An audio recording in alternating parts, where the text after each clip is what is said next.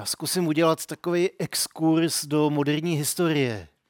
Co vás napadne, když se zeptám, jaký byly nejslavnější proslovy za posledních 200 let? Když jsem se nad tím zamyslel, tak mě napadly tři. Tak schválně, jestli je poznáte. A jenom taková, taková prilička, tady ty všechny tři projevy vznikly v rozmezí pouhých 23 let, ale velice významným způsobem ovlivnili novodobou historii. Tak eh, začneme zlehka. Sice těžký téma, ale myslím si, že tady ten byste mohli poznat. Nemohu vám slíbit nic než krev, dřinu, slzy a pot. Máme před sebou těžkou zkoušku, nejbolestnější ze všech. Máme před sebou mnoho, mnoho dlouhých měsíců boje a utrpení. Správně. Sir Winston Leonard Spencer Churchill v květnu 1940. Tak, teď trošku přitvrdíme. Před dvěma tisíci let se lidé nejvíce honosili tím, že mohli říct jsem občan Říma. Dnes ve světě svobody se mohou nejvíce honosit tím, když řeknou jsem občan Berlína. Všichni svobodní lidé, ať už žijí kdekoliv, jsou občany Berlína a proto jsem jako svobodný člověk hrdý na slova Ich bin ein Berliner. Další velice slavný prezident John Fitzgerald Kennedy a bylo to v červnu 1963.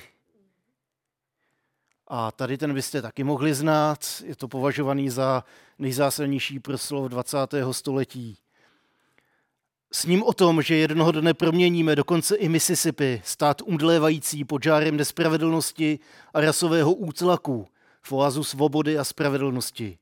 S ním o tom, že mé čtyři děti budou jednoho dne žít v zemi, kdy nebudou posuzovány podle barvy své kůže, ale podle kvality charakteru. O tom dnes s ním. Martin Luther King junior, srpen 1963. Dneska se ale spolu s váma chci podívat na ještě slavnější projev.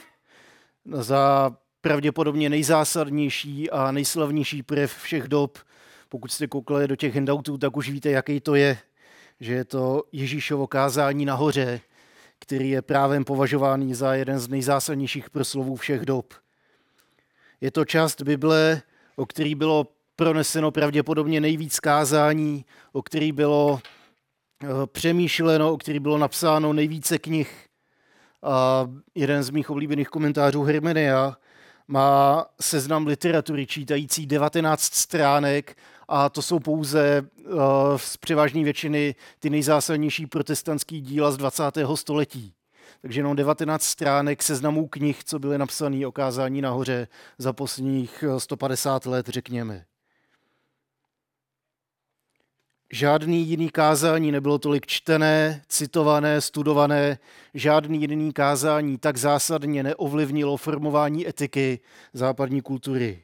A proto je moje přání sobě i vám, abychom nechali na sebe plnou vahou promluvit Ježíšova slova, která jsou zaslíbením a zároveň výzvou pro každýho, kdo je slyší.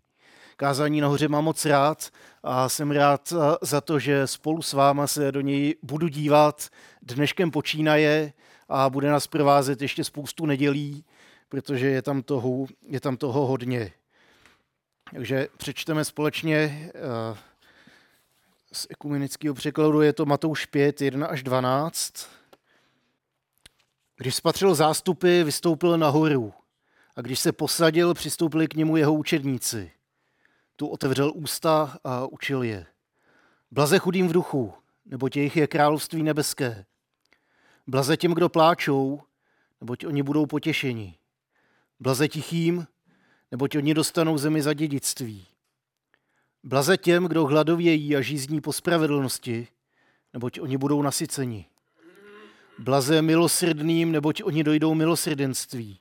Blaze těm, kdo mají čisté srdce, neboť oni uzří Boha. Blaze těm, kdo působí pokoj, neboť oni budou nazváni syny božími. Blaze těm, kdo jsou pronásledováni pro spravedlnost, neboť jejich je království nebeské. Blaze vám, když vás budou tupit a pronásledovat a lživě mluvit proti vám všechno zlé kvůli mně. Radujte se a jásejte, protože máte hojnou odměnu v nebesích. Stejně pronásledovali i proroky, kteří byli před vámi.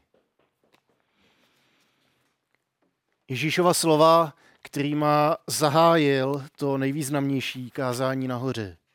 A jestliže chcete zahájit nějakou řeč, tak dobrá rada zní začít něčím provokativním. Začít něčím nesmyslným nebo paradoxním, protože tím získáte pozornost. Zároveň ale tady to paradoxní tvrzení musíte ustát. Musíte ho obhájit a vysvětlit, abyste ze sebe neudělali ty dýta. A takový moment překvapení, který v tom přichází, tak zcela jistě zaujme posluchače. V podstatě musíme říct něco nečekaného, aby jsme donutili lidi přemýšlet. Třeba aspoň to, že pomocný dělník, který má doma hodnou ženu, je možná ve skutečnosti šťastnější než milionář, který si vzal atraktivní symetriku.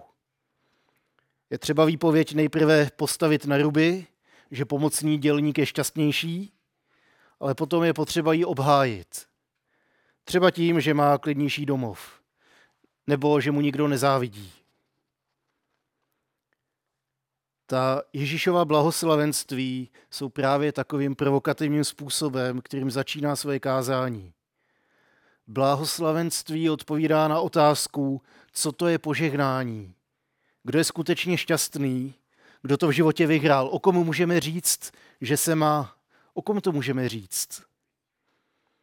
Pokud za požehnání považujeme bohatství a peníze, tak nás můžou napadnout jména jako Bernard Arnold, Elon Musk anebo Jeff Bezos, kteří jsou nejbohatší lidi na planetě, velice úspěšní biznismeni a každý z nich má jmění eh, ve výši zhruba dvou státních rozpočtů České republiky.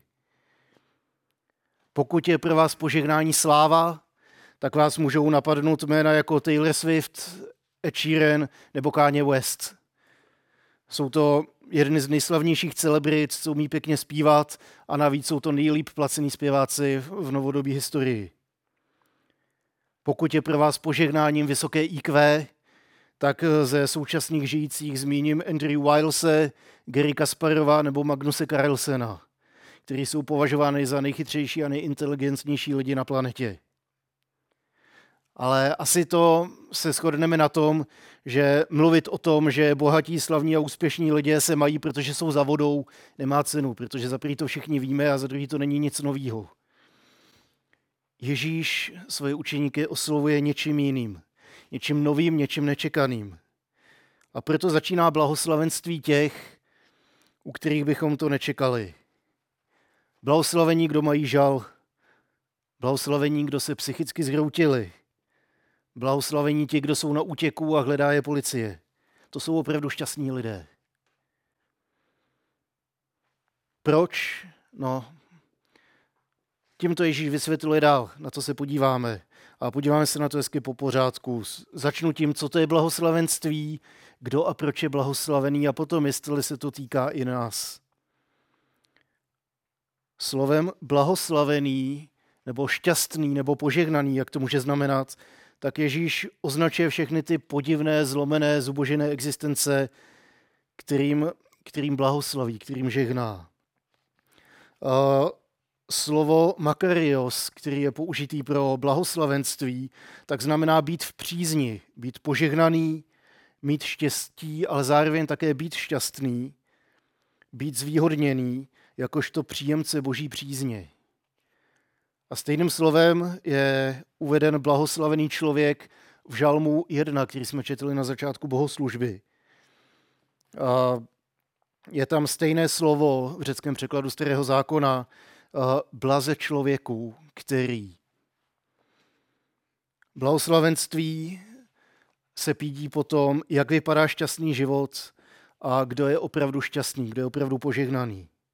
A první žalm je takovým příkladem, jak takové blahoslovenství může vypadat. A neměli bychom se na to dívat jako na sebechválu spravedlivých. Blaze nám spravedlivým, protože my dodržujeme všechna nařízení a přikázání a budeme na tom líp než ti bídáci. Tady to neříká. Pokud se na to nebudeme dívat ani jako na návod, jak získat požehnání, tak v tom můžeme vidět paradox. Podobný, jak jim Ježíš uvádí to blahoslavenství. A ten paradox říká, samozřejmě existují atraktivní možnosti, jak se dostat k penězům. Samozřejmě existují známosti, přes které se žalmista může dostat hodně vysoko. Ale docela překvapivě tam říká a vyznává, že šťastnější by byl ten, kdo s takovými lidmi nemá nic společného. Ježíš říká, že podstata požehnání není tady v tom světě. Že skutečně šťastný je ten, kdo má darem z boží milosti přístup do jeho království. Protože takovému člověku to požehnání, ten zdroj štěstí, nikdo a nic nevezme. A kdo je teda požehnaný, kdo je blahoslavený? Když se podíváme na tu situaci na úplném začátku toho kázání, tak eh, za Ježíšem jdou učedníci. To není překvapivý. Za Ježíšem jde ale taky velký dav dalších lidí. Někteří se skutečně touží s Ježíšem setkat, jiní jsou jenom zvědaví, někoho zajímá senzace, jiní doufají, že jim z toho něco kápne. A když Ježíš začíná mluvit o blahoslavenství, tak si to představují, jako kdyby se obrátil k učedníkům a začal k ním mluvit o tom, jaká sorta lidí je vlastně následuje. Jakoby Ježíš mluvil o tom zástupu. Samozřejmě, že je tam spousta žebráků, bezdomovců a pochybných existencí. Jasně, že je tam spousta těch, kdo se pídí po senzaci a zároveň spoustu zklamaných a zkrachovalých lidí eh, s nenaplněnými ambicemi, který cítí příležitost. A spousta nevyrovnaných osobností. A Ježíš říká, to jsou ti blahoslavení, podívejte se na ně. Z lidského pohledu bychom si to asi nevybrali.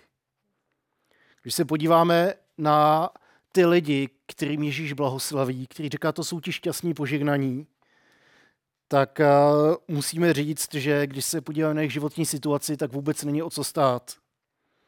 Jsou to zranitelní a znevýhodnění lidé. Někteří kvůli své situaci a jiní kvůli svému charakteru. Ta první skupina blahoslavených se nachází v situaci, po který asi nikdo netouží. Chudí duchem, plačící, tiší, hladovědící a žíznící po spravedlnosti. Tedy ti, kterým se něčeho nedostává. Jsou to chudáci, kteří nemají vlastní duchovní bohatství. Jsou to lidé, kteří prožívají bolest a zármutek a proto pláčou. Jsou to lidé, kteří nejsou slyšet, protože neumí prosadit svůj hlas. Jsou to lidé, které trápí nespravedlnost, kterou vidí všude kolem sebe. Pak je tam ta druhá skupina lidí, kteří tahají za kratší konec provazu. Tentokrát ne kvůli svojí situaci, ale proto, jaký mají charakter. Milosrdní, lidé čistého srdce, ti, kteří působí pokoj a ti, kdo jsou pro nás sledovaní. Jsou to krásné charakterové rysy, ale ruku na srdce je takový člověk, tahá za kratší konec provazu. Milosrdní lidé se totiž nutně s milosrdenstvím nesetkají u druhých. Lidé čistého srdce, lidé bezelstní, lidé nezištní a nezáludní častokrát přichází o spoustu příležitostí. Ti, kdo působí pokoj, se častokrát najdou mezi dvěma mlínskými kameny z nesvářených stran. Stejně tak jako ti, kdo jsou pro následování, přestože nic neprovedli a žijí spravedlivý život. A všechny tady ty možnosti, všechny tyhle popisy lidí mají společné to, že není vůbec o co stát. Kdyby to bylo na nás, tak si to nevyberem. Ale také všechny mají společný to, že Bůh o ně stojí a že Bůh si je vybral. A právě jim Ježíš zvěstuje a otevírá nebeské království. Ježíš se obrací k učeníkům a vybízí je k radosti tváří tvář utrpení a pronásledování, který kvůli němu budou zakoušet. V nebesích je pak za vytrvalost ve zkouškách čeká hojná odměna. Odměna nebo odplata, uznání ze strany Boha za morální kvalitu činu, anebo také odměna nebo odplata ve smyslu odškodnění, restituce, náprava škod,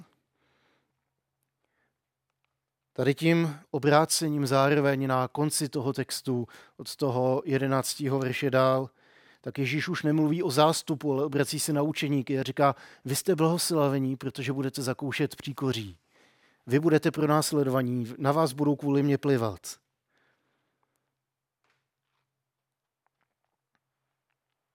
Tady tím obrácením spojuje svou řeč o zástupu s životy učedníků, zkoušky, utrpení, pro následování. To se Ježíšovým následovníkům nevyhýbá. Učeníci to můžou chápat jako potvrzení toho, že stojí na správné cestě, protože stejné problémy měli i proroci starého zákona. Ježíšovi učeníci jsou totiž jiní než tady ten svět. Mají jiné hodnoty, jinou etiku a jiný smysl života než lidé kolem. Ježíšovi následovníci jsou jiní a jiní než svět, jiní než formální církev, jiní než to, co říkají jiná náboženství. Ať už jsou jakýkoliv, ať už je jejich situace jakkoliv znevýhodněná nebo opovrhovaná, tak v Božím království mají svoje místo. Není překvapivé, že tyto světy se střetávají a častokrát to vyústí v nepochopení, urážky, útoky a pronásledování. Ježíš pro ně má místo ve svém království. A dokonce na ně čeká velké uznání a odměna. A teď otázka za milion dolarů. Zda a jak se to týká mě. Můžeme být příjemci těch Ježíšových blahoslavenství a jak. A pak ještě důležitější otázka, jak se na to blahoslavenství a tudíž na celé kázání nahoře máme dívat. Máme se na to dívat, že je to etický normativ, to znamená uh, to, jakým způsobem máme žít, abychom se dostali do nebeského království, anebo jsou zaslíbením budoucích věcí, že tady to čeká ty pravé následovníky Ježíše. Je to příkazem, který musíme dodržovat, nebo Ježíš mluví o tom, jak bude vypadat, když to přeženu, život v nebi. Mluví o přítomnosti nebo o budoucnosti. Pokud je kázání nahoře tím etickým normativem, to znamená příkazem, který musíme naplnit, tak by to znamenalo, že se máme stát chudými, plačícími, pronásledovanými, abychom vstoupili do nebeského království. A to je hrozná zpráva. Jakkoliv lákaví by byly všechny ty zaslíbení, tak je to hrozná zpráva a já považuji za smutný, že právě tady tím způsobem se častokrát kázání nahoře vykládá. Zkoušel jsem si hrát s umělou inteligencí a chatem GPT, teď se to hodně skloňuje v poslední době. To nástroj umělé inteligence, který mu pošlete jakýkoliv dotaz a on vám dá odpověď. Tak jsem mu dal dotaz, jak by mělo vypadat kázání tady na ten text. A ono to vyplivlo celkem, celkem jako učesaný text, celkem pěkně zpracovaný. A závěrem toho kázání bylo, že pokud chceme být součástí Božího království, tak se musíme víc snažit. To, co umělá inteligence nemůže pochopit, je milosrdenství a boží láska, se kterými se Bůh v Ježíši sklání k nám a který jsou základem toho druhého pohledu. Pohledu milosrdného, pohledu, který má v sobě zaslíbení. Takže pokud je kázání nahoře zaslíbením, tak je v něm mnohem víc naděje. Takový čtení blahoslavenství nám mnohem víc přibližuje Ježíše, který skutečně přichází za lidmi, který se k lidem sklání, ať už jsou jakkoliv hluboko v brindě. Přibližuje nám Ježíše, který přichází za lidmi, který se sklání k trpícím a nemocným, aby je potěšil, aby k ním promluvil, aby je uzdravil. Protože Ježíš si své následovníky povolává z řad těch, nad kterými už ostatní dávno zlomili hůl. Ať už se za tu svoji situaci ti lidé mohli sami, nebo do ní spadli nějakým špatným rozhodnutím, a nebo do ní byli nespravedlivě pohozeni, tak Ježíš k ním přichází a svým učeníkům hned na začátku svého kázání vysvětluje, že i o ně Bůh stojí. Takže je to totiž sám Bůh, kdo jim zvěstuje blízkost Božího království. Sám Bůh, kdo napraví jejich situaci. Drtivá většina sloves v těch blahoslavenstvích, co se dotýče toho, co se bude dít, těm blahoslaveným, tak jsou v pasivní formě. A to velice často v Novém zákoně odkazuje na boží jednání. A plačící budou potěšeni. Můžeme to číst, plačící budou Bohem potěšeni. Bůh je ten, kdo je potěší. Hladovějící po spravedlnosti budou nasyceni, Bohem budou nasyceni. Bude utěšen ten hlad po eh, spravedlnosti, po tom, že když už se nemůžou dívat na nespravedlnost všude kolem, tak vědí, že to není poslední instance jejich života a že Bůh bude mít poslední spravedlivé slovo nad každou situací. Že milosrdním bude prokázáno milosrdenství. Že nositelé pokoje budou Bohem nazváni jako jeho děti. Je to sám Ježíš, kdo nás volá k blahoslavenstvím, ať už ta naše situace je jakákoliv. Nezáleží na tom, jestli se považujeme duchovně na výši nebo na hloubi, jestli se považujeme za duchovně chudé nebo bohaté, jestli se považujeme za úspěšné nebo ztroskotance. Pro Ježíše totiž není rozhodující, co si o nás myslí druzí, není pro ně ani rozhodující, co si o sobě myslíme my sami. Ježíš přichází s voláním následuj mě a zvěstuje nám, že jeho království je na dosah. A jediné, co u nás hledá, je víra. Jestli uvěříme jeho slovům, jestli uvěříme a necháme se pozvat. Nezaslouženě, nespravedlivě, totiž z Ježíšova rozhodnutí a z jeho milosti a z jeho milosrdenství. Je to Ježíš, kdo zvedl svého království. Je to on, kdo dává naději i lidem, kteří sami nad sebou zlomili hůl, který možná padli tak hluboko, že by nejradši zapomněli svoje jméno. Je to Ježíš, kdo se sklání a přichází a říká, pojď za mnou. Je to na nás, jestli uvěříme a necháme se pozvat. Nezaslouženě, nespravedlivě, totiž z Ježíšova rozhodnutí, z jeho lásky a z jeho milosti.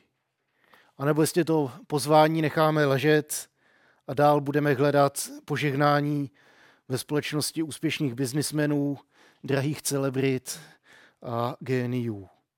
To rozhodnutí to je na každém z nás. Já volím blahoslavenství.